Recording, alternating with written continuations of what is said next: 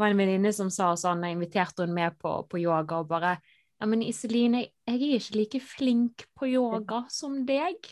Ja, den, Og da fikk jeg litt vondt. ja. Og, og den er vanskelig, og den har jeg skjønt Eller ser man jo at uh, de fleste syns er vanskelig, for det har jeg snakket med, med flere om. For det er jo den balansen mellom å, å vise det en kan, og da spesielt hvis man er yogalærer, så, så vil man jo på en måte presentere jobben sin. Men at det da ikke går så langt at man skremmer vekk, for det folk eliminerer ut seg sjøl. For de tenker det ikke passer for deg.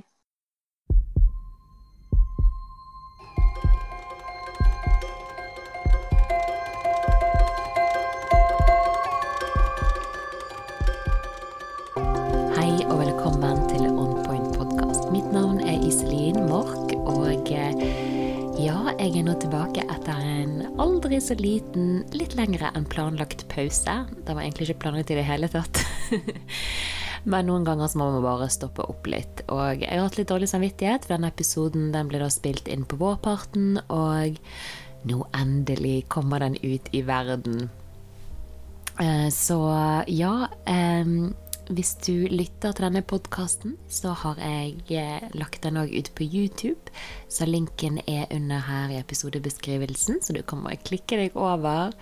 Trykk gjerne abonner og lik eh, videoen. Eh, ja, jeg eh, har jo gjort en del siden sist, så jeg eh, har videreutdannet meg og er da bar-instruktør. Så hvis du aldri har hørt om det før, og du er litt interessert i det, så har jeg en episode på og jeg kommer til å legge ut flere. Og jeg skrev en blogg, og man kan gå inn og lese litt mer på nettsiden min om det. da. Så det er noe som jeg holder på med i tillegg til yoga.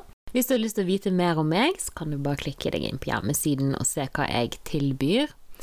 Jeg som ikke skulle lage yogapodkast, må jo bare se tilbake og se at jeg har faktisk hatt med veldig mange yogalærere på denne podkasten. Siste episode var med Atika, eh, Yoga Somatics, så anbefaler å, å lytte til den hvis du er interessert i det. Og så har jo vi òg Kristin Vikjord, som var med i fjor, eh, der vi snakket masse om boken hennes, Inner Spark, og hennes andre prosjekter.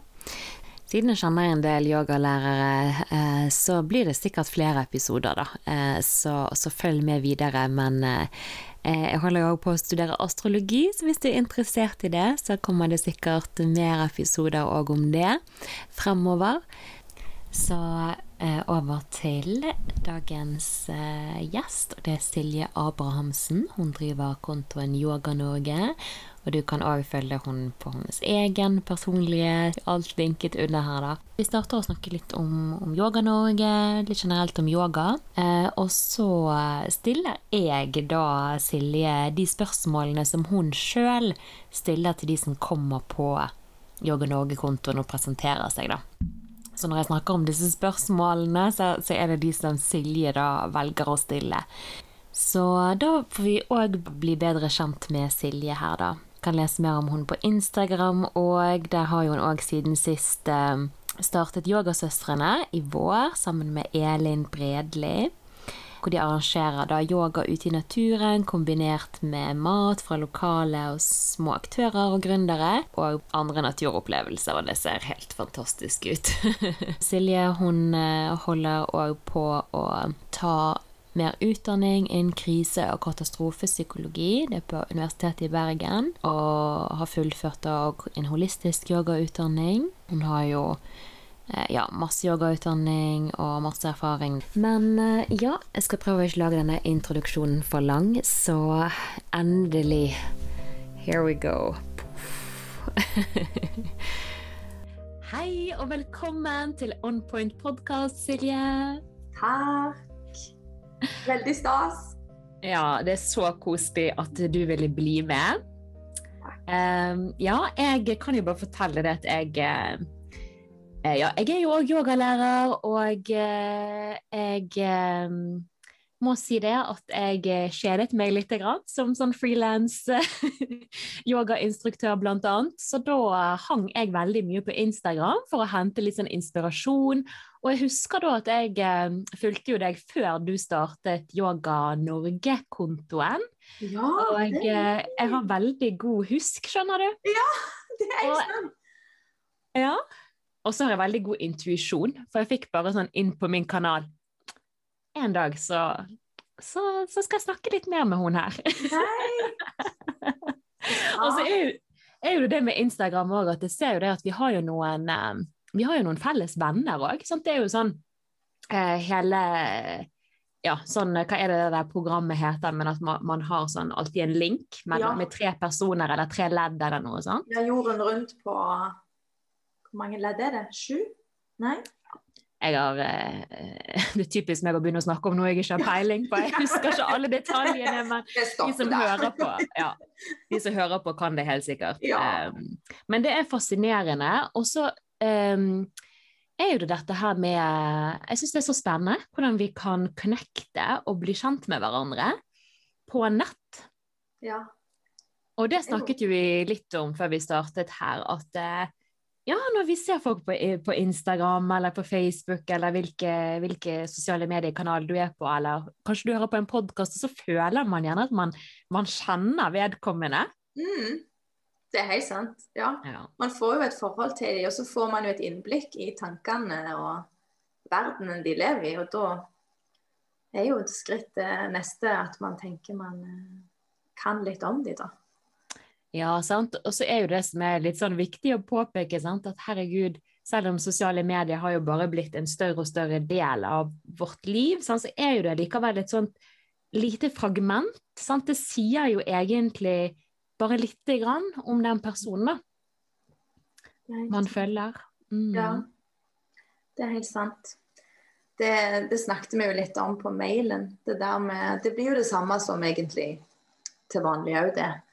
At de du ikke kjenner, men du møter ute i omgivelsene rundt deg. Du, du ser jo bare et bruddstykke. Og du ser jo ofte det som personen velger å vise.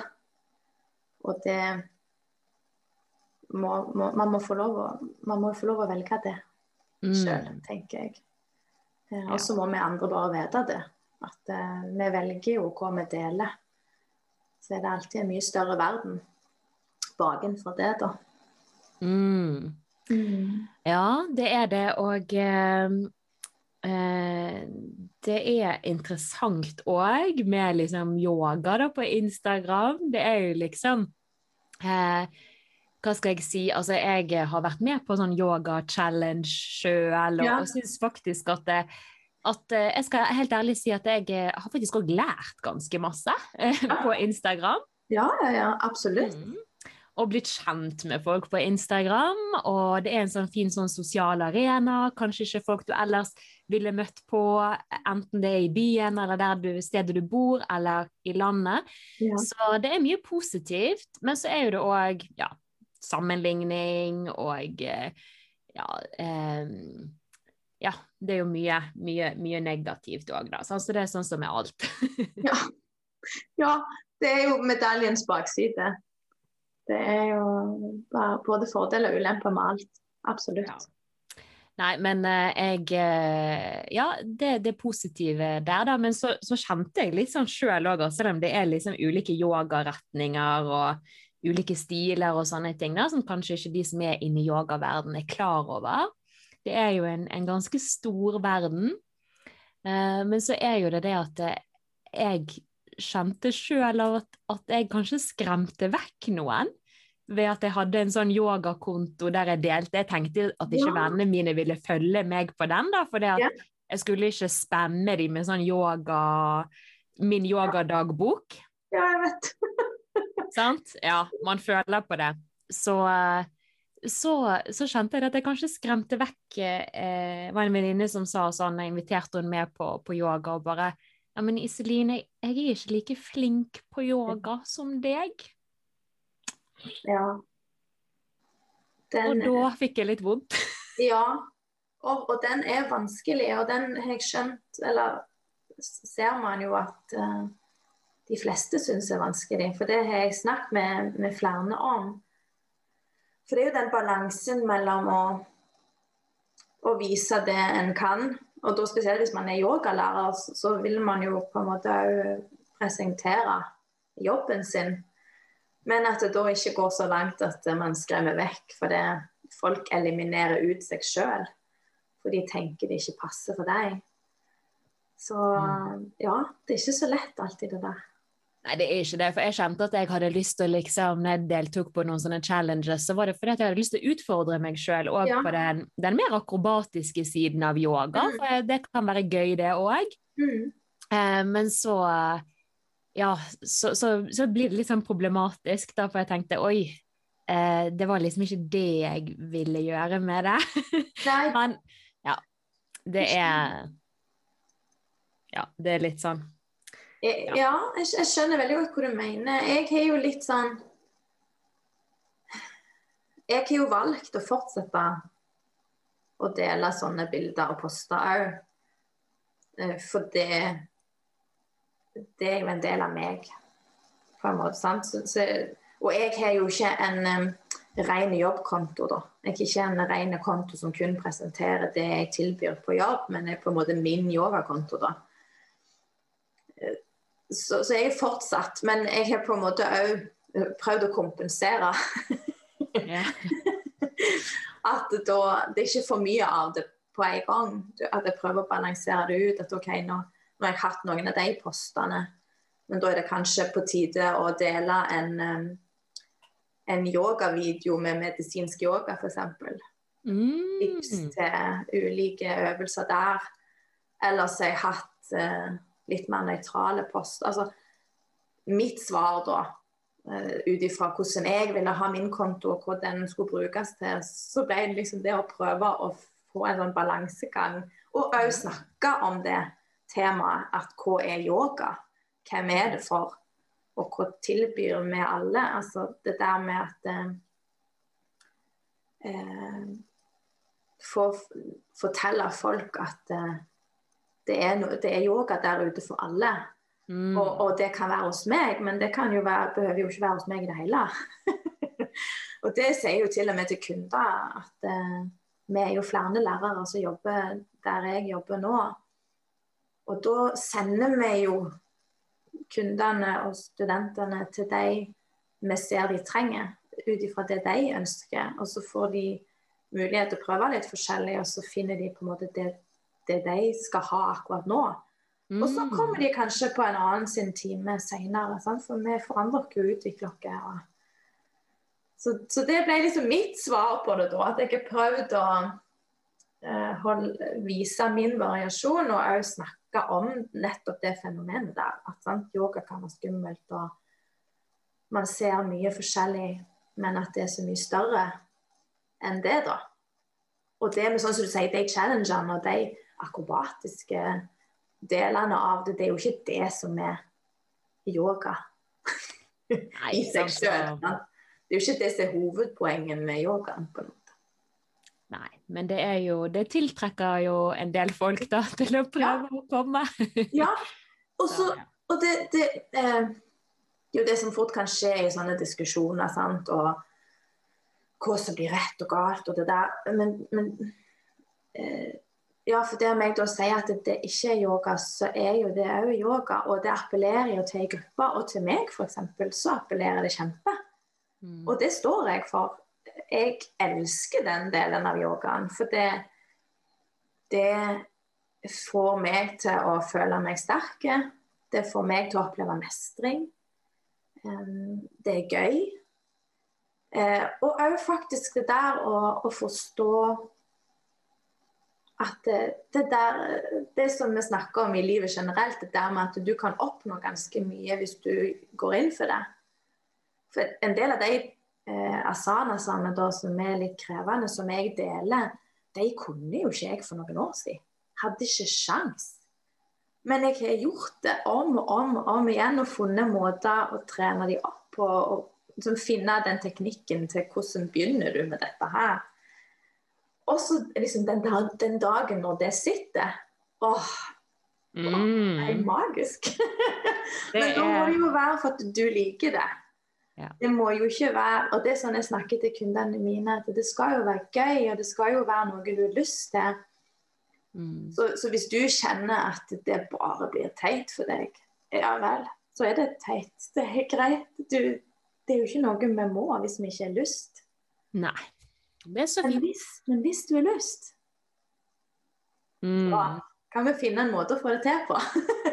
Ja, det er, det er kjempegøy som du sier det med mestringsfølelse. Jeg har jo alltid vært ganske sånn fleksibel, det man assosierer med at å, jeg må være liksom myk for å begynne på Mm. yoga og sånn, så jeg syns det er veldig mange gode yogalærere der som ikke kunne nå tærne sine, men som har liksom lært av veldig mye på veien ned, eller Ja. um, ja, jeg òg sjøl har jo opplevd mestringsfølelse av å, av å få ting til, da. Så det er jo veldig positivt. Men uh, jeg har jo da eh, lyst til å bli litt sånn bedre kjent med deg, for du har jo denne kule yogakontoen som jeg nevnte, sant? Yoga Norge, der du ehm, Den som du startet i fjor. Hva, hva var det egentlig da som inspirerte deg til å starte? Ja, du.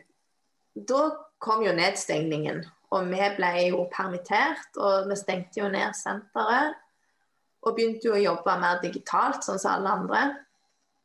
Eh, Og da begynte jeg òg å øke eh, videosamlingen min på Instagram, for det er jo den kontoen jeg har brukt mest.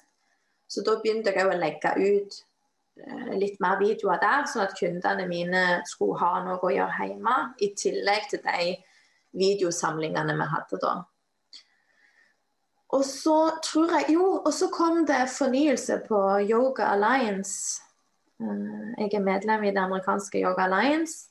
Eh, Og så var jeg sånn Ja, er det noe norsk alliance?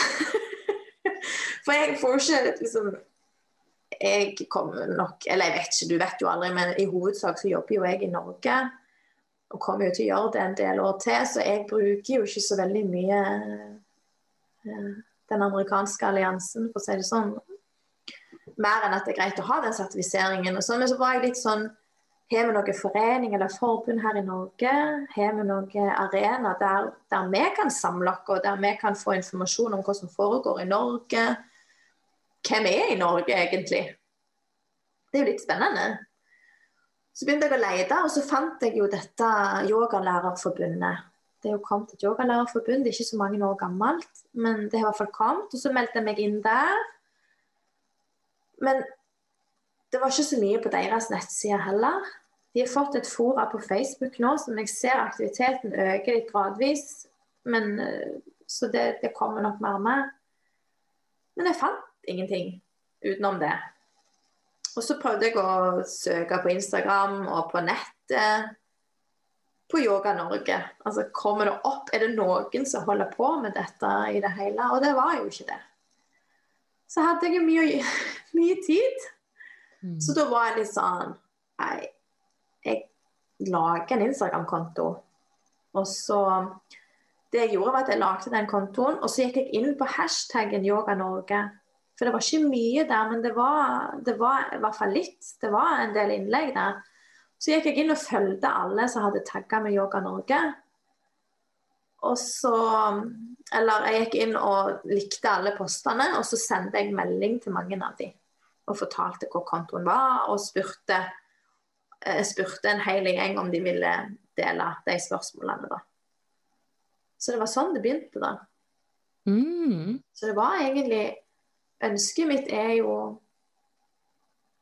eh, På sikt Nå er det jo blitt litt, men jeg hadde lyst til mer at, liksom skal, at vi skal ha den arenaen der når noen spør deg eller spør meg du, Vet du om noen Jeg har så lyst til å dra til Lofoten eller eh, eh, Sogn og Fjordane på noe yoga. Vet du om noe? Så har vi ei side. Vi, vi vet at der vil du finne det, eller de som driver den, de vet det kanskje, eller de vet hvem du skal kontakte. At vi kan ha en side der det er litt informasjon, og også samtidig der vi har en arena der vi kan bygge fellesskap. Da. For jeg ser jo allerede nå, både jeg er jo knytta Jeg snakker med deg. Jeg er knytta mange kontakter som jeg aldri ville ha fått. Og jeg ser jo at flere som er på følge meg, har jo begynt å samarbeide Mm. nå dette året. Og har ikke kjent hverandre fra før. Så det er liksom det som er målet, da. At det, det skal være en lett plass å få tak i andre som driver med det samme. Og sånn litt Mm. som vi snakket om, at det kan fort bli Det er jo business. Og for det om det er yoga, så prøver jo folk å leve av det. Og det er en sårbar bransje.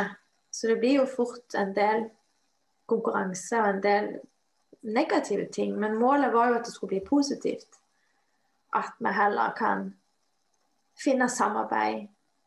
eh, liksom være med og gjøre det enda bedre. Sånn, sammen, vi vil jo kunne, meg og deg vil jo kunne klare å gjøre veldig bra ting hver for oss, men samler vi alle våre absolutt prima varer, så vil jo meg og deg og flere levere enda bedre ting.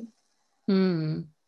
Så liksom litt det òg. Det er klart vi kan ikke bare samarbeide, men det skader liksom Jeg tror det bare er bonus å, å komme sammen òg.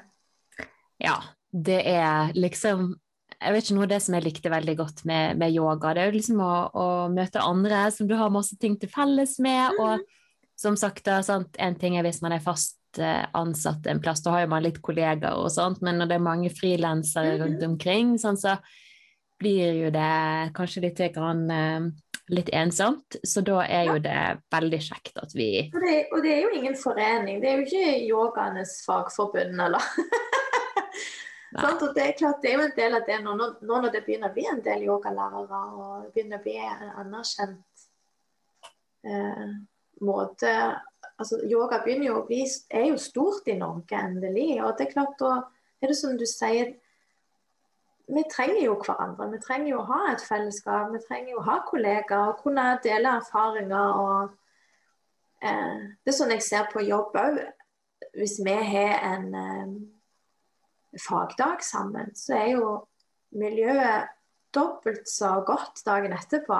Og jeg mener jo at selv om alle har fått mer kunnskap, og vi er PT-er som skal ha kunder, så, så når vi drar i fellesskap, så, så gjør vi det jo alle bedre, og vi får jo alle mer kunder. mm.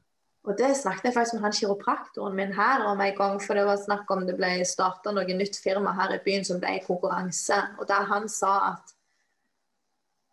eh, faktisk så opplevde jo de bare at det gikk bedre når det kom til nye aktører. For at kulturen for å bruke den type ting ble større. Mm. Så Ja, men det er klart det er så komplekst. Ja, ja, ja. Det ikke alltid å være negativt å samles. Nei, men jeg syns det er kjempefantastisk initiativ, og det er jo litt sånn altså det er jo sånn som skjer da når man sitter der og plutselig bare hm, What's next? Da har man mye tid på, på hendene, og så begynner man å eh, ja, eh, finne opp eh, finne opp ting. Eh, så det er jo kjempe, kjempegøy. Ja, og litt sånn som du sier, det der å bare gå på ideene og bare begynne, og ikke ta det så høytidelig. Mm. det, hva, det, det var noe jeg fikk lyst til å gjøre nå. Ja, men da bare prøver jeg.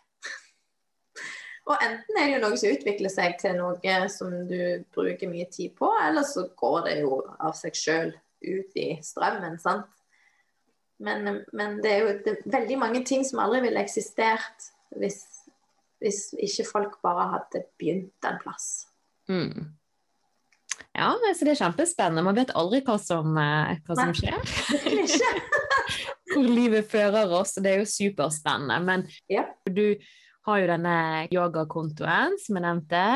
Så, og der stiller jo du sånn Inviterer du andre til å poste og har ha sånne spaltister. Så, men du stiller jo da noen spørsmål. Så Ja. du har jo ja, presentert deg sjøl på kontoen din før, men det er jo litt sånn gøy på dette her formatet òg, da. Ja. Um, det er jo derfor jeg startet med podkast sjøl. Det er jo fordi at eh, Ja, det er mange grunner til det, men jeg syns det er så fint å ha dypdykk ja. Uh, av- inn i Man kan bli bedre kjent med en person. Uh, og, eh, ja, og som yogalærer så har jeg hørt veldig mye på meg sjøl og min egen stemme. ja. Og ble, ja, man blir liksom Man blir litt lei seg sjøl. Åh, ja. Så lurer man noen ganger på hvordan høres dette egentlig ut. det har jeg tenkt på mange ganger. Ja. Men nå får man svaret, da, for nå har jo Ja. man, eh, nå har man måttet ta opp seg sjøl og se på seg sjøl, og da kan folk oppleve litt det som jeg gjør på podkast, og det er jo det at eh, de fleste syns jo sin egen stemme er egentlig ganske irriterende. Ja. Ja. Så det er et stort eh, eh, Det er utfordrende. ja. Men eh, det som òg jeg startet podkast med, det er jo fordi jeg har lyst til å liksom ja, snakke med, med andre òg, som jeg har møtt på og blitt kjent med på Instagram, egentlig. Men herregud, jeg føler at jeg kjenner den personen, men skal ikke vi ta en prat en dag? Jo. Ja. En kaffe en dag ja. på nett. Ja. Så nå er dagen her, da. Så det at eh, Kanskje du forteller oss litt mer sånn hvem du er, det er jo veldig stort og omfattende spørsmål. Litt sånn som nesten hva er yoga for noe? ja. Men du kan jo bare Jeg vet ikke hva du har lyst til å si. Eh, hva vil du vite, skulle jeg til å si? Um, jeg er jo da 36. Begynner å nærme meg, begynner å nærme meg 40. Helt fantastisk. Um, jeg kommer fra Vestlandet. Jeg har jobbet som yogalærer i ti år i år. Det er ganske gøy. Um, jobber på et treningssenter her i byen som um, eh, fokuserer litt mer på helse. Målet er at det skal være trening for alle.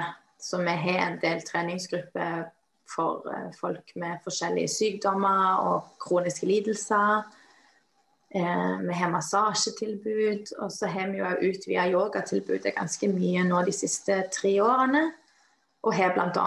Eh, medisinsk yoga eh, og hot yoga. Og litt forskjellige typer, da, så vi prøver òg der å få spredd tilbudet, sånn at det kan dekke de fleste behovene som skulle være. Så der jobber jeg.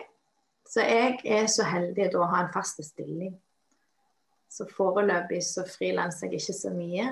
Og det har vært veldig godt nå, for nå har jeg en fireåring. Så da det, føler jeg meg veldig heldig. Da kan jeg gå på jobb, og så kan jeg òg få gå hjem og være med han da i denne fasen. Så. Ja. Mhm.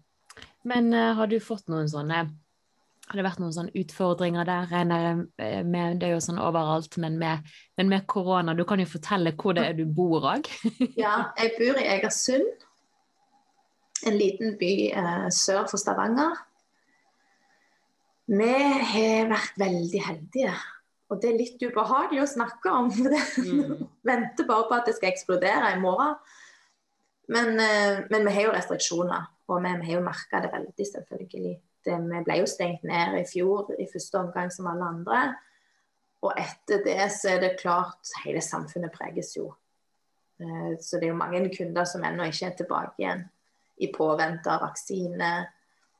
I påvente av eh, å se litt hvor dette utvikler seg henne nå. Så vi lever jo under halverte klasser, mye vasking. Eh, færre folk.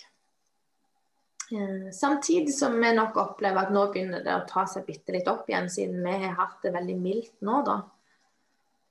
Men Mm. sakte, men sikkert. Men det blir jo sånn som alle Denne situasjonen er jo litt sånn Det kan jo Det snur jo på timen, vet du. Så vi slapper ikke sånn av for det. Vi prøver bare å nyte.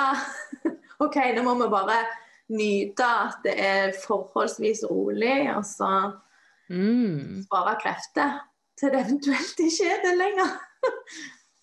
Ja, nei, det er jo litt sånn, det er der det er så godt å ha yoga eller meditasjon og sånne ting der, sånn, fordi at eh, herregud, man vet jo aldri hva som skjer egentlig. Nei. Det er veldig, eh, veldig godt å ha de verktøyene. Mm. med, og spesielt å kunne bare være i dagen i dag. Og kunne kjenne på det som er positivt. Sant? At man merker at man har trent seg opp til å rette oppmerksomheten på det positive. Og klare å være i det nå. Og det betyr jo ikke at man ikke tenker på det. Jeg tenker at alle går jo med litt høye skuldre. Sånn er jo naturen vår. Vi har jo en trussel som er der. Men det er klart med de verktøyene så kan man i hvert fall samle krefter og ha litt mer energi da enn hvis man Mm. Hadde blitt fanga litt mer i den utryggheten, da. Så jeg Ja. puster og gjør yoga hver, hver dag. Ja, det, det må jeg spørre deg litt mer om etterpå. Men ja, du har jo fortalt oss litt hva du driver med, da. Men du, du gjør jo en god del ting. Ja. Liksom potet. Ja, litt potet. Du, Vet du hva, ja, hele historien at eh, jeg er sosionom i bunnen. Så jeg har jobbet i psykiatrien og rus tidligere. Og begynte da eh, å utdanne meg med medisinsk yoga med tanke på å bruke, og mindfulness med tanke på å bruke det i gruppeterapi der, da. Eh, Men så etter noen år så, så kjente jeg at det ble Så har jeg en kronisk eh, smertetilstand, kronisk lidelse, som ble ganske forverra av det presset som er i psykisk helse. Det er jo tøffe tak, rett og slett. Og det er jo folk som er det veldig krevende. Så, så da valgte jeg å omskolere meg, eller tenkte at OK, da, da skifter jeg over til, til trening og yoga. Og så prøve med tida å kombinere alle de utdanningene og kunne jobbe forebyggende. Mm. Jeg har en sånn en ettårig utdannelse i um, helsecoach òg. Som er tanken på å bruke ernæring, trening, stressmestring til å, til å heller fordre helse. Sant? At vi bygger opp helsa før vi blir syke. Ja, Ja. det, det er et eh, stort poeng. Ja. Vi ser i denne tiden hvor viktig, altså hvor viktig helsen er. Herregud. ja. Det er, det. er, ja, og det er jo viktig arbeid du gjør. Mm. Ja, og at, det, at eh, vi har lov til det. Sant? Altså, og ikke bare har lov, men at eh, vi må det.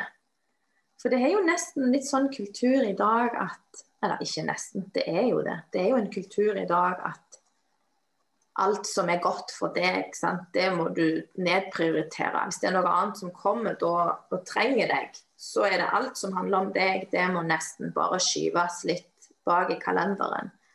Mm. Det er jo en veldig sånn en allmenn holdning. Eh, for det at vi tenker at det er egoistisk, at det er luksus. Eh, og det å få skifte det. At nei, det er ikke luksus, det er jo en ytterst nødvendighet. For vi lever i et samfunn som gjør at det kommer ikke av seg sjøl. Den, eh, den oppladningen, den eh, restitueringen Hvis ikke du er bevisst på det, så kommer ikke den av seg sjøl. Da går du til det tømmes helt. Ja. Det har iallfall jeg kjent på. Ja, tror, tror de aller fleste kjenner seg igjen i det. Man må gå på, på et par smeller i livet, altså. ja og, det, og det er liksom Få lov til å forstå at vet du hva, det er min fulle rett å ta vare på meg sjøl. Og det er faktisk en, en omsorgsfull handling, ikke bare overfor meg, men overfor de rundt meg. Mm. For det at, sånn, når du har det bra, så, så er det jo mye bedre for de rundt deg òg. Når du ikke har det greit, og når jeg ikke har det greit, så klarer jo ikke jeg å ta vare på noen andre. Mm. Sånn at eh, Ja, det å heller få skif- skifte til et helsefokus istedenfor sykdomsfokus. For når du først er blitt syk, sant, så er jo veien tilbake igjen så fryktelig lang. Ja, sant? man har brukt mange, mange år på å rett og slett eh, bli syk, sant. Ja. Em, så, så du sier at det er veldig viktig med det fokuset, da. Ja. Så da, så da begynte jeg å jobbe der jeg jobber nå, da. Og da passet jo det senteret veldig godt. For det, det var ikke et rent treningssenter. Da var jo fokuset på helse. Og Mm. at det skulle være um, sånn som jeg ikke det, da. Jeg er jo yogalærer istedenfor. Men de andre er jo rehabiliteringstrenere i tillegg, f.eks. Sånn at um, Ja. Det å Og vi har hatt kurs i stressmestring eh, i livsendring. Det å prøve å jobbe Få tak i de menneskene som ikke trenger å havne der at de må til doktoren til slutt. Det er jo de, vi trenger jo det òg, og det, er jo, det vil alltid være. Men det er en del mennesker som trenger en plass de kan gå før det. De fleste kjenner jo at det er noe gale lenge før de må gå til, til å ha blitt syke. Mm. Prøve å liksom, ha de arenaene, det er så viktig. Ja. Og det er jo noe som eh, kommer litt inn på noe som er bra med yogaen. da, sant? Og så komme litt ut av hodet og, og kanskje lære å lytte mer inn, kjenne etter til kroppens signaler. sant? Vi er litt sånn vi er, vi er veldig hodestyrte i den verden vi lever i, iallfall her i, her i nord. Eh, Ja. Men, hva, men jeg tenker på sånn når du eh, Hvordan startet du egentlig med yogaen, sånn helt Hvis du kan spole tilbake? Ja. Ja, den starta jeg med uh, litt sånn i det små i tenårene, fordi jeg danste. Mm. Jeg gikk eh, på danselinja på videregående og gikk et år etterpå. Og da er jo yoga, pilates og dans ganske sånn sammenfletta.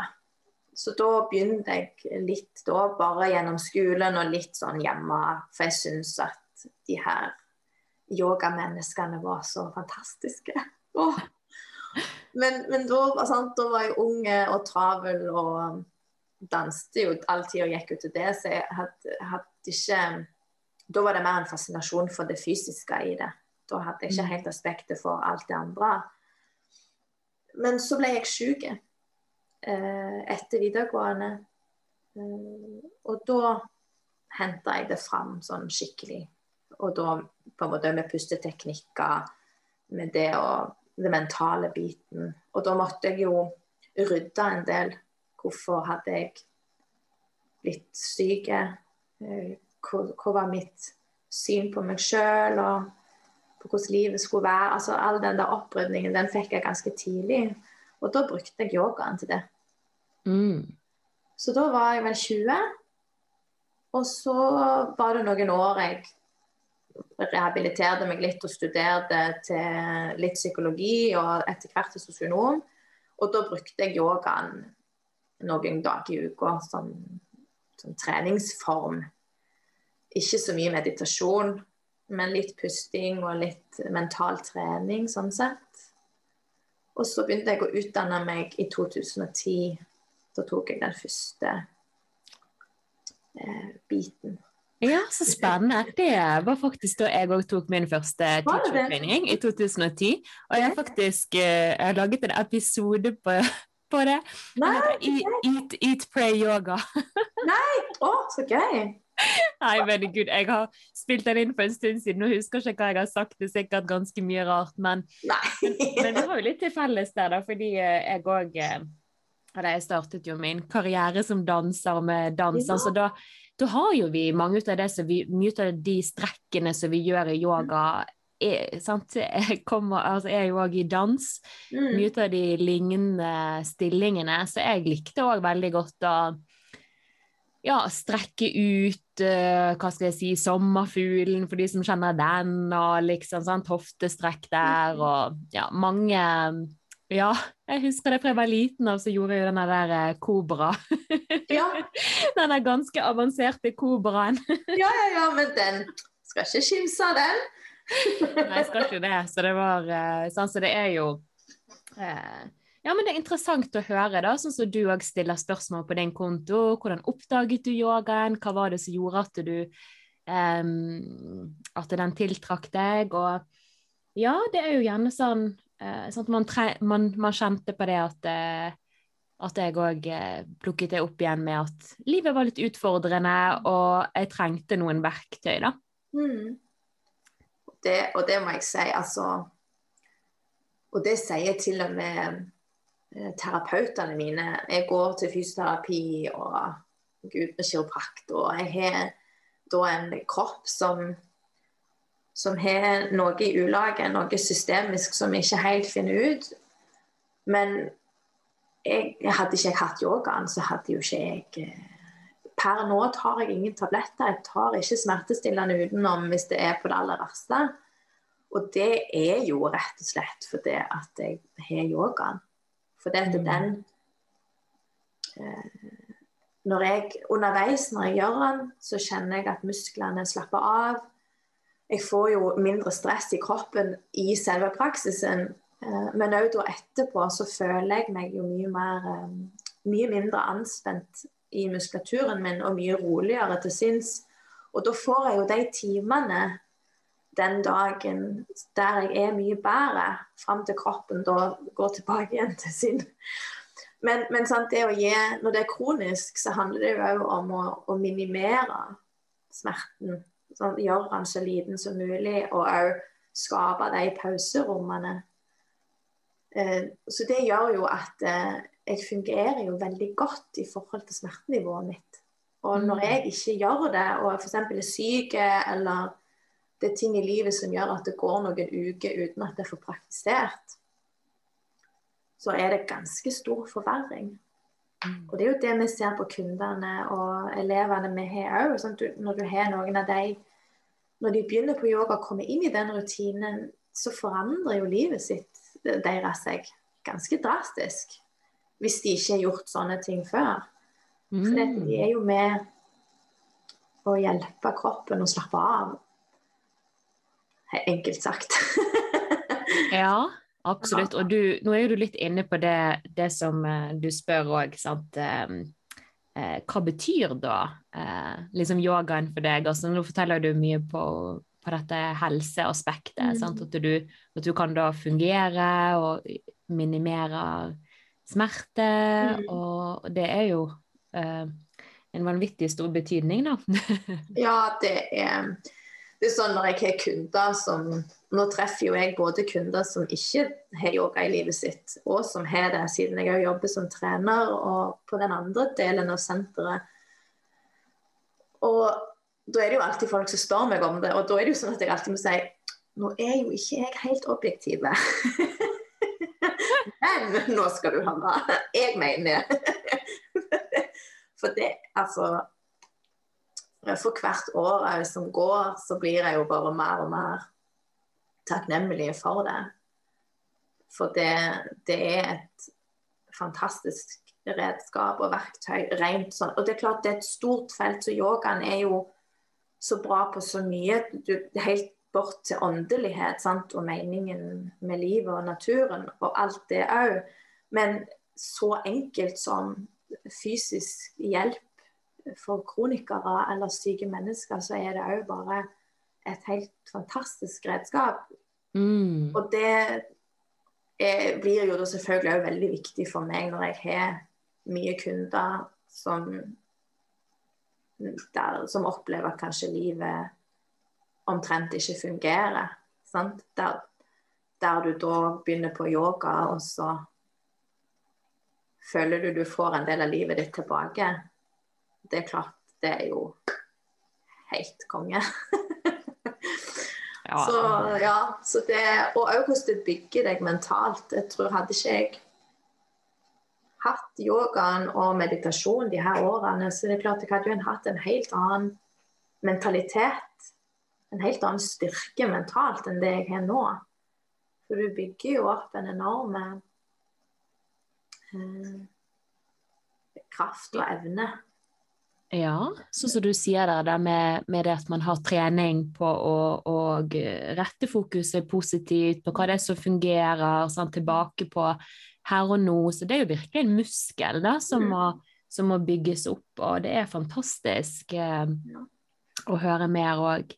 Eh, ja, hvordan yoga kan hjelpe for så mye, da. Og mm. eh, som du så fint var inne på i starten, sant? ulike faser av livet er du utbrent, så kan du gå på medisinsk yoga eller eh, restaurativ, eller eh, har du behov og lyst til å utfordre deg på det akrobatiske, og, mm. sånn, så, så, er det noe for, eh, for alle, da. Det ja, er jo fint. Jeg syns det er fint. Og så det er klart, så det jo, diskuteres jo det òg, selvfølgelig. Og det er, viktig, jo selvfølgelig viktig å formidle det på en god og trygg måte. Men, men jeg syns jo òg det der mangfoldet, nettopp sånn som du beskriver der, er, er fantastisk, da. Og, og, det gjelder jo i trening òg generelt, men òg med yogaen. At det, det blir òg en inngang for folk til å lære seg å bli trygge på at det er mange måter å gjøre ting på. Det er ikke noe som er mer rett enn det andre. Det handler om hva som er riktig for meg. Selv om jeg kommer inn i det yogarommet og gjør hele timen akkurat sånn som Silje gjør det, så er ikke det noe bedre enn hvis jeg kommer inn i timen og tilpasser etter meg sjøl. Så lenge begge delene har vært ut ifra det jeg har kjent vært greit for min kropp og, og min mm. meg.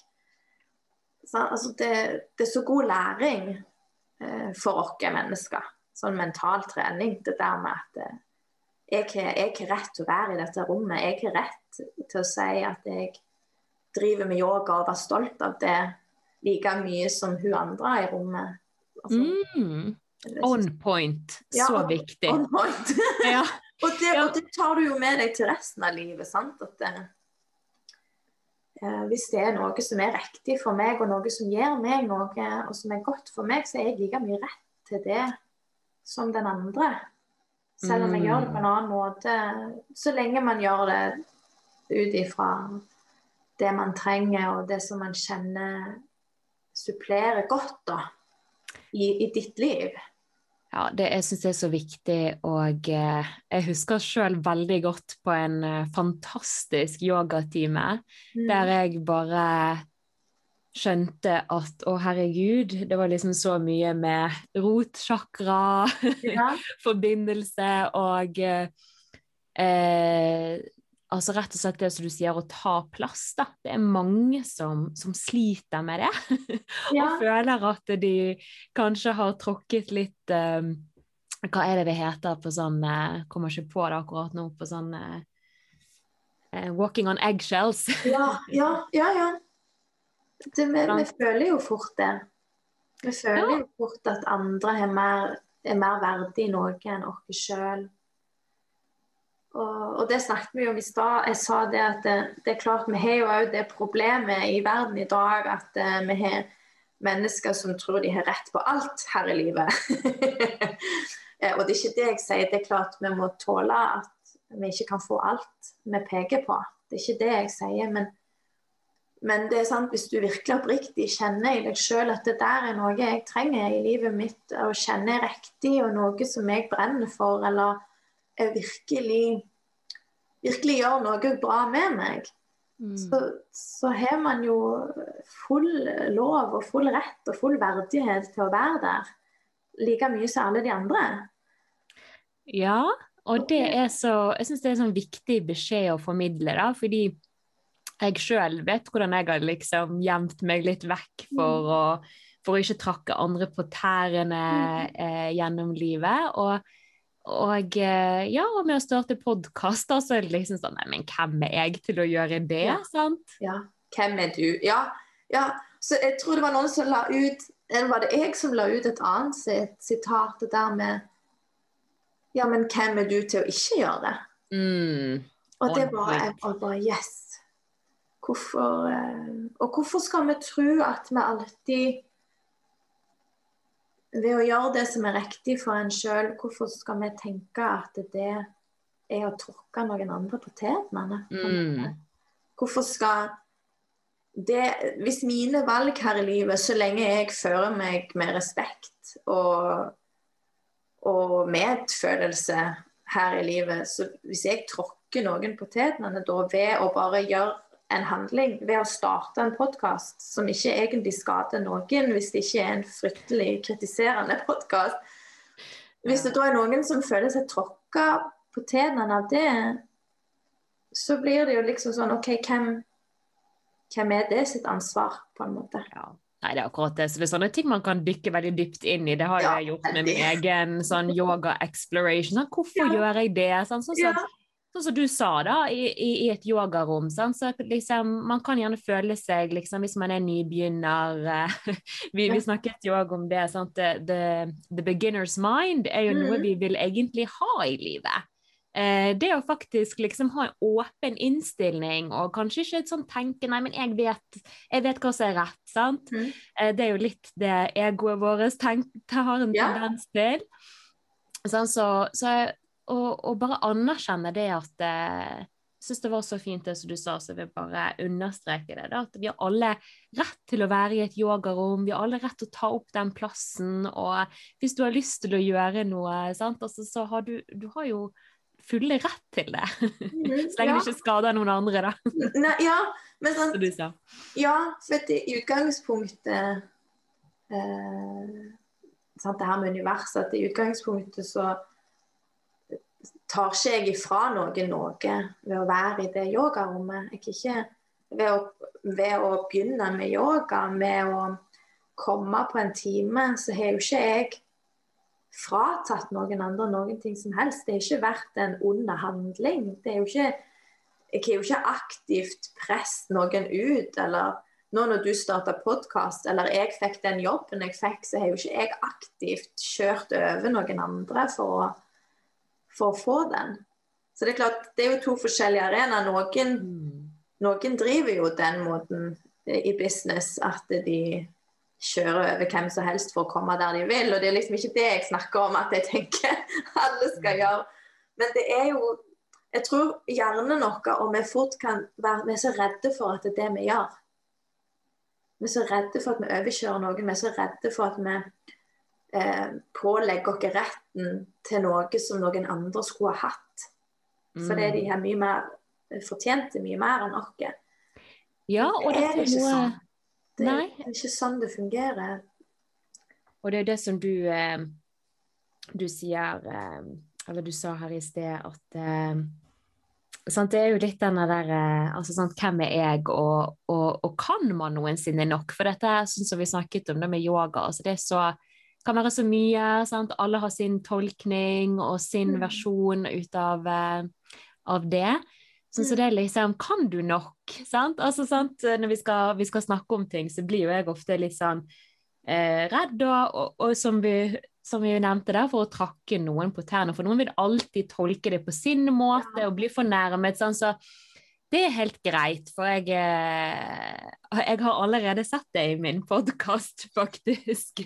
Ja. Eh, hvordan, hvordan, folk kan misforstå ting. Ja. Altså, hvis jeg bare sender et lite klipp ifra den, sånn, så, så, kan man da tolke det eh, i stedet for å ja, ut av en stor sammenheng. Da.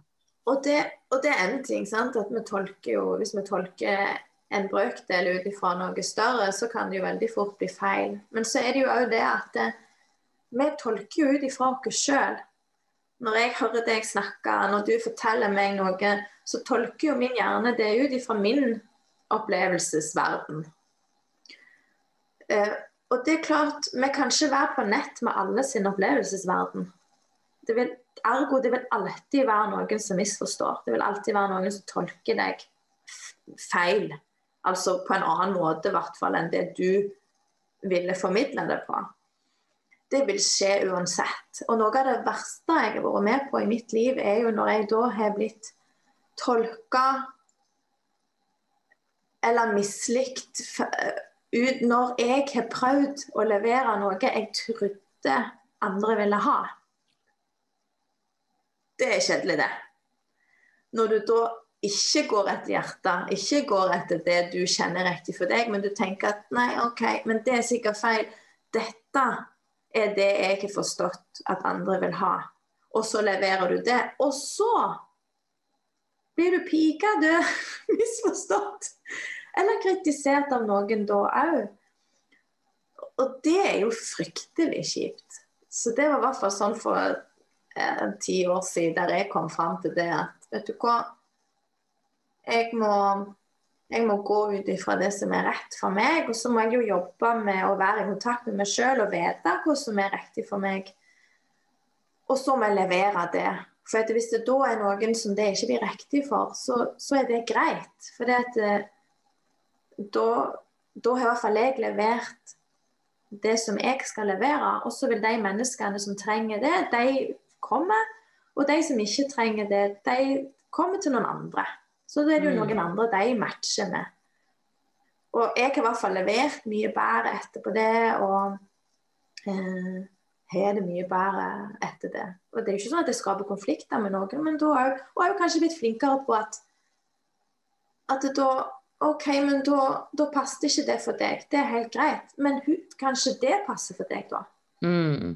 Og Ja. så vende folk de rette veiene, på en måte, og ikke føle at jeg må være den rette alltid. Jeg vil jo ikke klare det.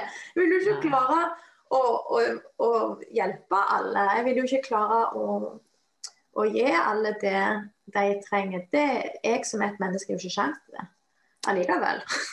Nei, det, det, det er morsomt at du sier det. Sant? Altså, det jo, jeg må jo si at jeg har sett på Man får se på mye av seg sjøl i yogaen, da, men òg som yogalærer. Sant? At man har lyst til å Iallfall har jeg hatt det litt sånn det people pleasing. Jeg har lyst til å please, jeg har lyst til at alle skal være fornøyd, jeg har lyst til at alle skal like meg og like den, men den, det går ikke. Sant? Og det var noe jeg snakket med med, med Dorata, som er sånn heter Imperfect Yoga Teacher på Instagram. ja, ja, ja. Og, og hun òg, sant. Altså, det, det, det, det, det er fælt. Vi må kjenne på det der, liksom. Sant? Altså, det som i livet, hvis man drar på en date, er noen som ikke liker deg. Det du må takle det å bli avvist, og det, og det å bli avvist òg som yogalærer, det, det er litt sånn som i livet. Det er litt kjipt. Det er litt kjipt. Men det er sånn som mamma sier at eh, Men du liker jo ikke alle, du heller. Nei. On point. Må bare si det. Ja. Så, men det er jo sant, ettersom man blir voksen, så, så kommer man jo dit Og det har jeg snakket med både mamma og mange venninner om, at det å komme dit òg og skjønne det at selv om jeg ikke går overens med noen, så, så handler det ikke om at en av oss er feil. Sant? Det handler bare om at vi ikke klaffer. For det kan veldig fort gå den veien at Men jeg liker ikke han, eller jeg liker ikke hun, eller han, han mente jo det, og det syns jo jeg er helt lov. Og så blir det den der eh, rett og galt. Det er noe feil med den personen. Men eh, det er jo bare annerledes. Ja. Og det å kunne slippe det, at liksom Ja, vet du hva, han, han, fikk, han får ikke jeg helt til. Eller hun, meg og hun klaffer ikke helt. Så det at eh, ikke Og nå snakker jeg ikke bare om som yogalærer, jeg snakker jo ikke Der blir det jo en annen rolle, sant. Jeg må jo, vi må jo føre oss med respekt, og det må vi jo uansett. Om det er som yogalærer eller som menneske. Men eh, som yogalærer blir, må man jo noen ganger så lenge de vil fortsette å komme på timen, så er jo det supert. Selv om man da ikke klaffer. Så det er jo ikke det. Men sånn vanlige relasjoner at vi, vi klaffer jo ikke med alle.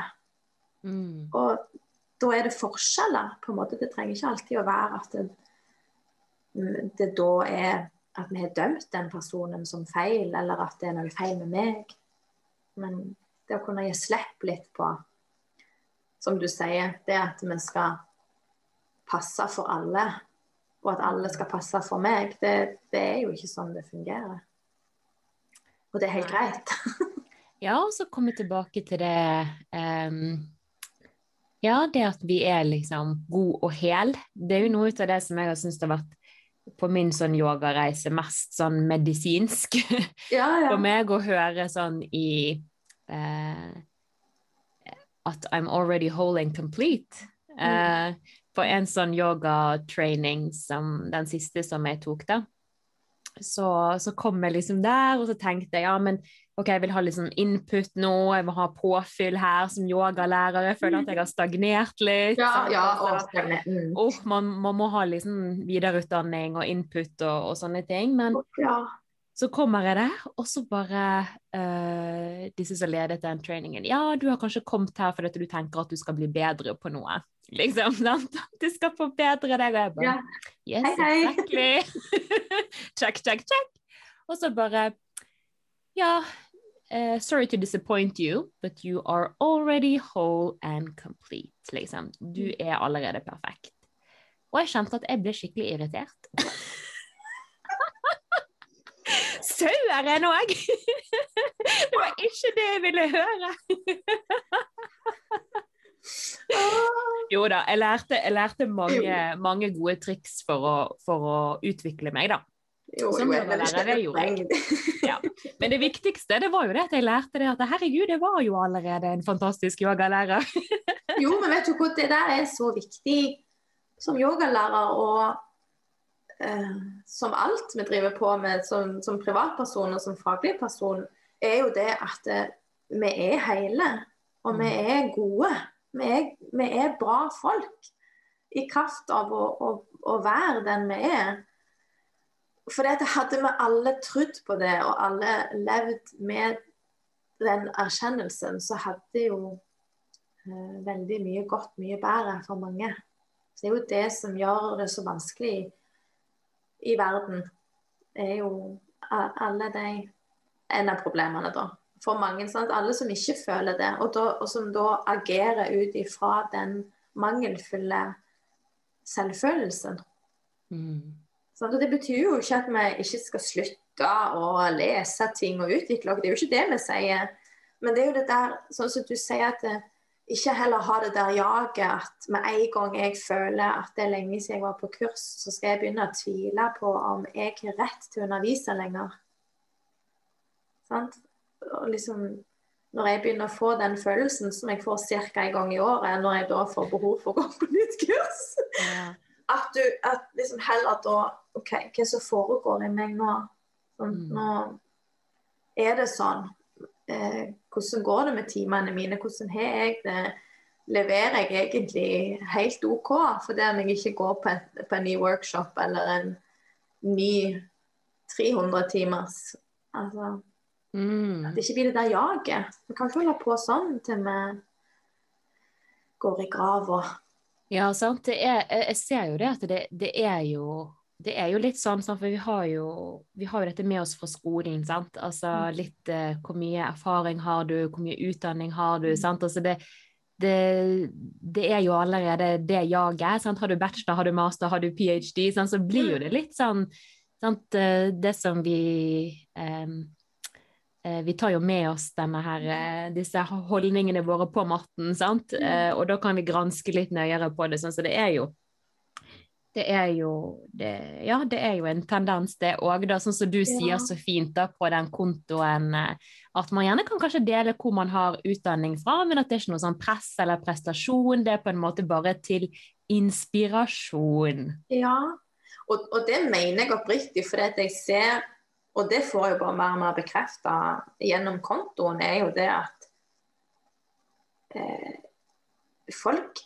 leverer sinnssykt bra timer og er gode forbilder og gode formidlere til Selv om de går på første 200-timeren for første gang, eller om de har 1533 timer fra før, eller ikke har begynt engang.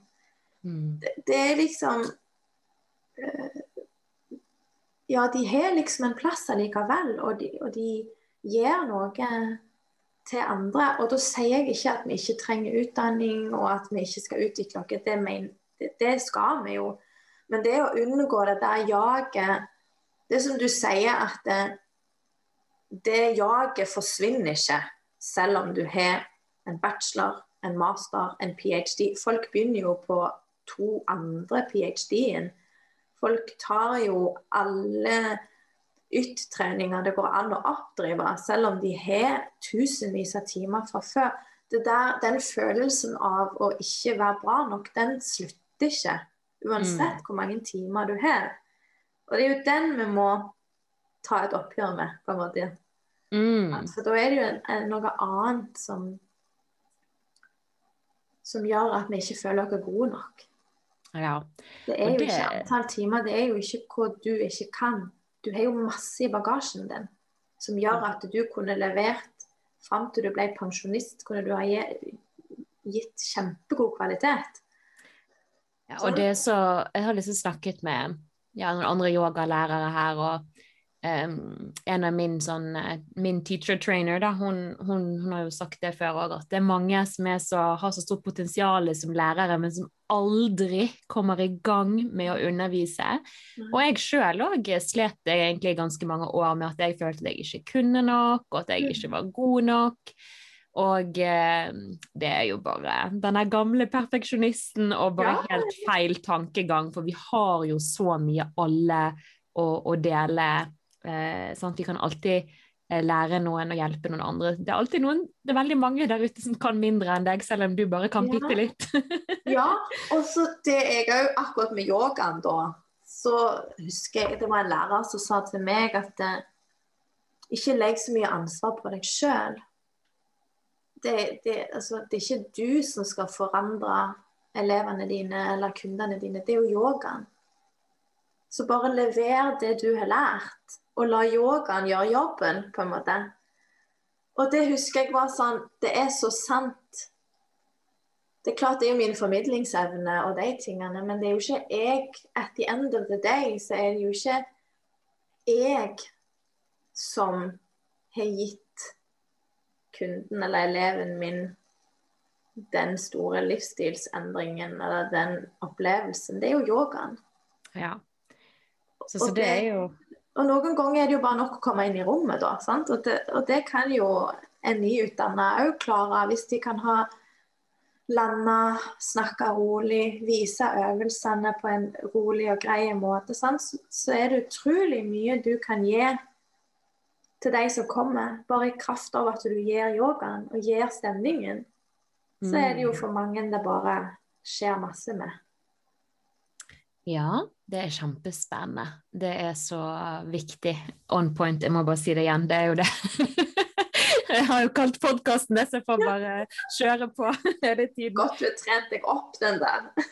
ja, du, du deler ja. Du deler jo mange gode poeng, og det er jo um, Det er det som jeg syns er så fint da, når vi snakker sammen. og bare sånn Oi, wow, ja, det er derfor jeg gjør dette her, for da kan jeg få dra ut dette, da kan jeg få høre dette. Dette er kjempeviktig. Det er jo liksom ikke sånn vi hadde satt oss ned og tenkt at dette skal vi fokusere på nei, i denne samtalen. Ja, men det er jo sånn som, eh, som, skjer, og det er jo litt sånn som med, med den yogamagien. Altså det Jeg sjøl kan prøve å planlegge en klasse, og så kommer man inn i et rom, og så ser jeg at oi, denne klassen passer ikke de som er her i dag. og det er klart, det kommer jo med erfaringen. Det er jo litt vanskeligere når man er ny, selvfølgelig. Men det er jo sånn som du sier, det etter å ha jobbet med noen år, så, så kommer man inn i rommet, og så kan man bare levere en helt annen klasse enn det man hadde tenkt. Og man blir ikke stressa av det. Mm. Sant? Første året så var jo det nok til at du ble helt sånn Hva gjør man nå? Ja. Og det er det der med at eh, man trenger jo Altså, jeg, jeg sier det sjøl, for jeg kan jeg har slitt sjøl med veldig mye stress i mitt liv. Så det at Man kan veldig lett bli trigget, og det er mye sånn um, som yogalærer òg. Altså man kan bli thrown off rett og slett uh, med musikkanlegg, eller med mm. Det er mye som kan skje i løpet av en yogatime. Og, og da sier jeg det sjøl, herregud, jeg trenger ikke være uh, i nirvana. Altså, jeg trenger ikke være en sånn uh, engel of grace uh, kan være det til tider òg, altså. Men ja, altså, jeg trenger ikke være Jeg trenger ikke være sånn altså equanimity, altså helt sånn at jeg ikke lar meg vippe av pinnen ut av noen ting. Jeg er et menneske, jeg òg, og av og til så er yogalæreren den mest stressede, stressede personen i rommet. og det beste er at det letter så på stemningen. Jeg har noen elever da som bare, bare sånn Er du stressa? Nei! og så begynner jo alle å le, og så har jo bare hele rommet løsna i stemning. Ja. Og det blir ikke en dårligere time av det, for å si det sånn. Så. Altså, det er det som er, jeg syns er så fint, og jeg liker å ja, altså dele det, da. OK, sant? nå ble jeg litt stresset med det, eller ting gikk galt, og noe med, med korona. Jeg hadde en workshop nå i helgen, og da var det et par ting som ikke gikk helt som planlagt. Og da var det sånn Nei, men shit happens, var det ja. en som var på timen min som sa også bare ja, det vet vi etter Spesielt etter dette året. Shit happens ja. always, men ja. sånn, altså, hvor, hvor, gale kan det egentlig gå? ja, det er helt sant. Åh, bare liksom gi slipp. Ja, virkelig. Det er, det, er, det er, ikke så veldig mye vi kan holde fast ved, egentlig. Um, det er jo det vi ser, da. Men du stiller jo spørsmål videre. Er det noe Altså, hva ønsker du å, å gjøre med det å formidle yoga? Åh, oh, ja. Og det er stort tema. Ja, det var, det var, synes det var så stort spørsmål, men det er du som Ja, det var det. Oh. Jeg brukte jo ganske mange måneder på å lage min egen post, så jeg har sagt det til alle jeg har sendt til, at eh, du velger ut de spørsmålene du vil svare på. Okay. Nei, men eh, eh, Nei, det er jo litt det vi allerede snakket om, at eh, når jeg begynte å utdanne meg, så valgte jeg òg utdanninger som allerede hadde eh, blanda seg litt med Vesten. Og ikke fordi jeg har noe problem med, med den østlige tradisjonen, men fordi at jeg følte at noe jeg kunne bidra til, var å gjøre yogaen tilgjengelig for, for flere. Òg de som ikke var så interessert i det åndelige og den østlige historien, og, og litt, det litt større av det. Jeg har, jo en interesse for det sjøl, men, men jeg kjente nok en veldig sånn behov for å gå på utdanninger og gå til lærere som eh, hadde prøvd å kombinere, prøve å finne en måte å få det til å smelte sammen. på en måte. Så jeg tok jo medisinsk yoga da, som da jeg begynte å forske på, og prøvde å få inn i sykehusene.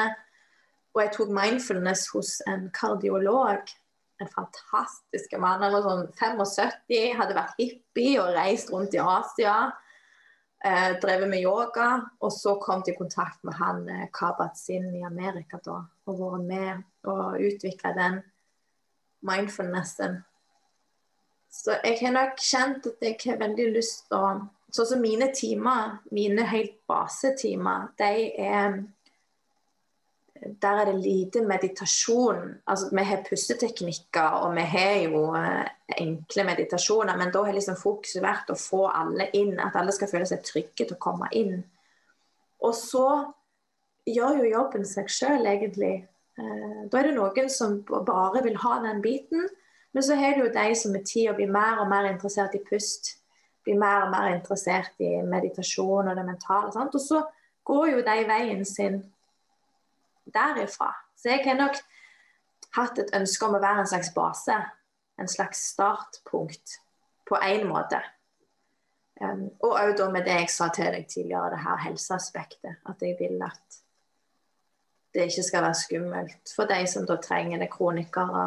At yoga skal føles At du er lov å komme på yoga uansett. Mm. Um, hva, hva, du har, har lyst til å bruke den til, på en måte. Så det er jo den delen av det. Og så er det jo klart, så er det jo den mer eh, Så er jo jeg en veldig glad i å utfordre meg selv i den fysiske biten. Så jeg har jo hatt noen workshops. Det der å leke med yogaen, det å oppleve mestring og det å kanskje oppleve at selv om du er blitt 40, så kan du plutselig stå på hendene eller mm. bli mykere enn du trodde. Altså, så jeg har nok mange forskjellige ønsker med det. Men det er nok først og fremst nettopp det jeg formidler her, at yoga er så stort. Og det er noe for alle.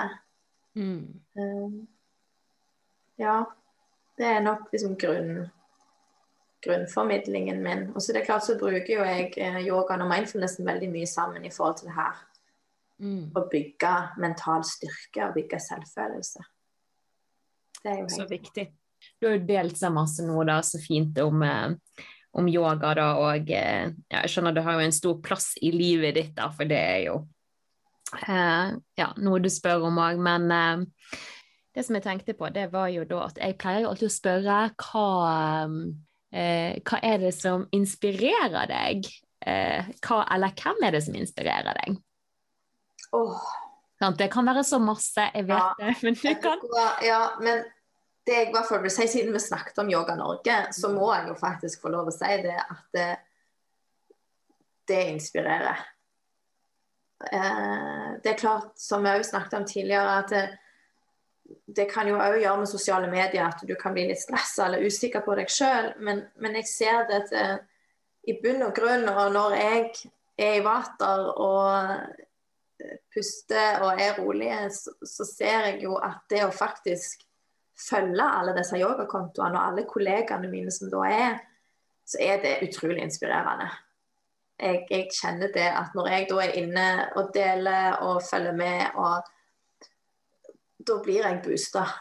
Det er mm. masse Og det er jo både fordi at det er mye fint. Det er veldig, mye, sånn, det er veldig positive kontoer. Det er jo mye for selvfølelse, for selvverdi, for styrke både for en sjøl og, og, verden og naturen. Så det er jo mye sånn oppløftende tekster.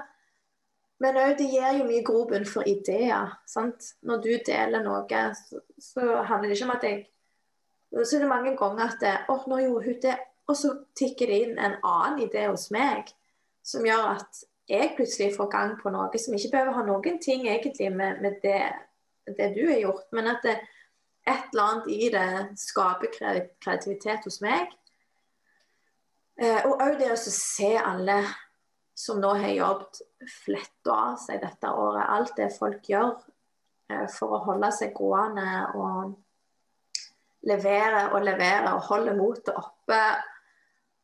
Ja, jeg syns det har vært veldig inspirerende å følge og mm. se. Og at du òg blir i hvert fall følt med litt sånn styrka sjøl òg. At uh, du, når, de, når, du ser andre drive på, så blir du jo motivert, og du blir jo dratt litt med i det sjøl. Du mm. følger jo litt med i vinden, på en måte. At uh, kanskje da på en dårlig dag til og med, så, så kan man tenke åh, ja, det der var kjempelurt. Ja, men nå skal jeg òg gå gjennom litt hva jeg tenker er lurt med veien videre nå de neste ukene, og lage en plan. Noen òg kan legge ut typisk noen affirmasjoner eller eh, et kurs de har gjort, og så kjenner jeg på at det var en god idé. Det skal jeg òg gjøre i dag. eller hoppe ja. på en time til noen, eller Så jeg syns faktisk at eh, å følge andre yogakollegaer i Norge har vært veldig inspirerende det siste året, altså. Mm. Det må jeg si. Og Det syns jeg er viktig å formidle. Du har jo alle disse store som du, så store kontoer og mennesker som vi alle følger med på sånn, men, men, det er veldig mange i hverdagen, og de rundt kollegaer og venner og relasjoner som ja, virkelig styrker og inspirerer vel så mye. Mm. Det må jeg si. Ja. Ja. Jeg blir jo kjempeinspirert òg av eh, ja, av alt og alle, egentlig. Så, ja. Hvem som uh, ja, dine egne jeg, elever, eller de mm, man, ja. man, har på timene sine òg. Det er jo eh, Men jo, det var jo dette her eh, dette med da, som spesielt yogalærer òg, du er ute og gir og gir av deg sjøl, sant. hvordan er det du da regner med at du kommer til å liste opp yoga her òg, men hvordan er det du fyller opp kroppen din der? Hva, hva er dine self-care go-tos? Oh, vet du hva, det er jo selvfølgelig yoga. Um, mm. Men det jeg òg har blitt litt bedre på Jeg har faktisk funnet noen jeg har ikke vært så veldig, jeg har hatt mye problemer med huden i mange år. Så jeg har ikke vært sånn veldig Og hatt mye dårlige erfaringer med dyreprodukter òg. Sånn at jeg har vært ikke gjort så mye sånn eh, self-care i forhold til hudpleie på veldig mange år. Fordi jeg har hatt erfaring at det har irritert huden min heller. Men så har jeg endelig funnet noen produkter som virkelig har vært gode for meg. Noen sånne eh, masker og litt sånn forskjellig. Så nå har faktisk en del av min rutine blitt kveldsbad og noen dager i uka en sånn en maske. Og sånn har jeg aldri gjort før. Men faktisk de siste månedene så har det Og det har gjort veldig mye. For jeg merker da å legge seg i det varme vannet, kjenne at nå har jeg funnet noe som oppriktig gjør godt for huden min, mm. som eh, jeg blir glad av å gjøre, det har vært veldig godt. Det har vært veldig godt å finne de produktene når jeg da har hatt litt problemer med huden. Så det har vært veldig fint. Og, så det gjør jeg to-tre ganger i uka på kvelden når han eh, fireåringen er sovna. Så det gjør jeg. Og så eh, går jeg faktisk eh, mye turer. Ikke så lenge, men bare å komme seg ut i frisk luft. Det har jeg òg merka etter jeg fikk barn, at eh, hvordan det forandrer sinnsstemningen. Det er, jo sånn, det er jo det yoga òg gjør, men faktisk bare det der å gå en liten runde ute i lufta. Det kan forandre hele tilstanden min, det òg. Så det gjør jeg nesten daglig. Bare en sånn halvtimes tid. Bare for å Og det er jo veldig godt, som, samme som med yogaen, at det òg er jo veldig beroligende for kroppen, for systemet. Bare for kroppen å få lov å bevege seg uten at du jogger, eller uten at du har det der jaget, sant? men du bare du har ikke noe formål med turen annet enn at du skal ut litt. Mm. Og jeg er jo nok veldig formålsretta. Ja, det er det. Så for meg er det vært veldig godt. Så det å gå tur, en liten tur, bare luftetur i løpet av dagen, varmt bad og sånn ansiktsmaske. Ja. Mm. Og så er selvfølgelig, siden jeg har det med mag, eller har den kroniske situasjonen jeg har, så er jeg jo veldig nøye på mat. Ja, jeg har jo mye ren mat, som vi sier. Det må jo jeg ha, for hvis ikke så blir veldig dårlig i magen, da. Så er jo fokus på det òg. Veldig Men det er nesten sånn Ja, det, det er blitt sånn en del av Det er blitt litt medisin òg, så det, det går litt av seg sjøl. Så det er ikke sånn at jeg alltid tenker at det er self-care, men det er jo absolutt essensielt. Ja, det er jo det. Ja. Ja. Nei, men jeg syns det er så fint at eh, ja, du nevner det. Jeg har jo snakket med ansiktsyoga med Maja. ja. Hun, eh, hun er jo en sprudlende dame, og Ja. ja, nei, men eh, da sa jeg sjøl at det er litt sånn Jeg kaller det litt sånn gudinnetid. Um, med sånn bad og maske. Altså, ja, Ja. jeg har nå holdt på med det litt sånn før, da, men jeg kjenner at det er så Det er viktig sånn Altså, mange kan tenke at det er litt sånn eh, flåsete, eller hva man skal si, liksom. Sant? Men, men nei, det er så viktig å bare ta seg den tiden, da. Og det er jo det der å gjøre, som du sier, gjøre noe godt for seg sjøl. Mm. Det er sånn at du gir kroppen din og deg sjøl noe som gir næring. Det blir jo på en måte det òg med, med den maska, hvis du skal se på det rent sånn Ikke bare flåsete, så, så er det jo en, eh, en selvivaretakelse i det. Absolutt. Så det er ikke noe som eh, man skal skimse ut av. Til og med hun ene eh, læreren min sa det, at hun har begynt å Hun hadde liksom ikke hatt tid til det før eller satt seg inn i det, da, men nå det forrige året så hadde hun liksom skikkelig hatt god tid til å, å endelig ta vare på huden sin. Da. Så det var jo litt morsomt at det, det er jo en sånn rød tråd som går igjen her. Og det, og det er jo jeg eh, Det her med olje, det er vel du òg litt inni. Men eh, det er jo har begynt med dette året. Det er noe med det her året, altså. Men, men bare det der med lukte. Sant? Finne de oljene som du bare kjenner du blir så glad av å lukte på. En så Mm. enkel ting som det. Åh, jeg er nok blitt litt mer bevisst dette året på, på de små tingene som løfter energien din. Men, sant? Tidligere har man kanskje kunnet tenkt at, eh, at sånne ting er tullete, eller at det ja, blir flåsete. Men så er det jo ikke det. Det er jo med på å løfte. Det er de små tingene som løfter energien din. Som stimulerer endorfinene i kroppen din. Og det er jo endorfinene som vil være med å fylle på ny energi og ny eh, kraft i oss. da. Ja, altså det er veldig, veldig viktig for meg. Det er Mm. Det er yoga for meg, altså. Ja, Alt ja, ja, er liksom som er bevissthet. Altså. Jeg, det er mange som tenker at eh, ja, hva, hva virkning har det egentlig? Men for meg er det iallfall helt enormt. Mm. Ja, og det, og det merker jeg òg. Det Ja. Og om ingenting annet som bare er i kraft av å, å finne olje som, som stimulerer humøret. Altså, sant? Hvis man ikke skulle trodd på noe annet av det, så, så er det jo så enkelt òg som at det, det går jo til hjernesenteret og hva du assosierer med lukter. Og vi er jo alle De fleste har i hvert fall ting de forbinder med lukter. Hvordan en lukt kan føre deg tilbake til barndommen eller til gode følelser. Så Mm. bare for meg å lukte på den der appelsinoljen, f.eks. Da, kan- Står jeg, da har jeg sånn happy moment. Ja, ja. Og selv om, sånn, så kan du diskutere hva som skjer, og alt det, men, men uansett, det som skjer, er jo at jeg gir meg selv en pause. Mm. Jeg utskiller endorfiner. Jeg utskiller hormoner som styrker cellene mine, styrker kroppen min. Så av ingenting annet så har det jo gitt meg et løp Ja. som jeg tar med meg. Og jeg syns det er Ja. Så her går jeg og Det er magisk.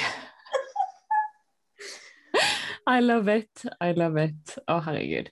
Nei, men det var jo så gøy å ja, få, få bli litt bedre kjent med deg og få høre litt mer om din historie, siden du da ja, presenterer og gir muligheten til, til andre å, å dele synd på, på kontoen din.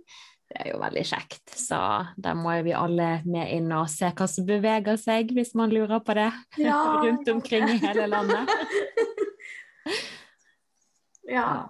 Og hvis det er noen som ikke allerede er med og, er, og driver med yoga, så har jeg jo Jeg sender jo ut meldinger og forespør, men, men eh, jeg, det er jo bare Det er ikke sånn at det, det krever en invitasjon. Jeg vil helst Kom til meg. Det er bare å sende hvis folk har lyst til å dele og folk har lyst til å ha poste, eller så er det bare å gi beskjed. Og det er ikke noe jeg syns er teit eller frampå. Det blir jeg veldig glad for.